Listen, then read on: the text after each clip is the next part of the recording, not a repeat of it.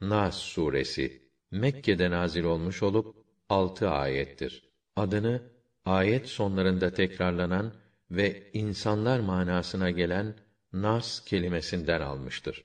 Rahman ve Rahim olan Allah'ın adıyla. De ki, insanların Rabbine, insanların yegane hükümdarına, insanların ilahına sığınırım. O sinsi şeytanın şerrinden.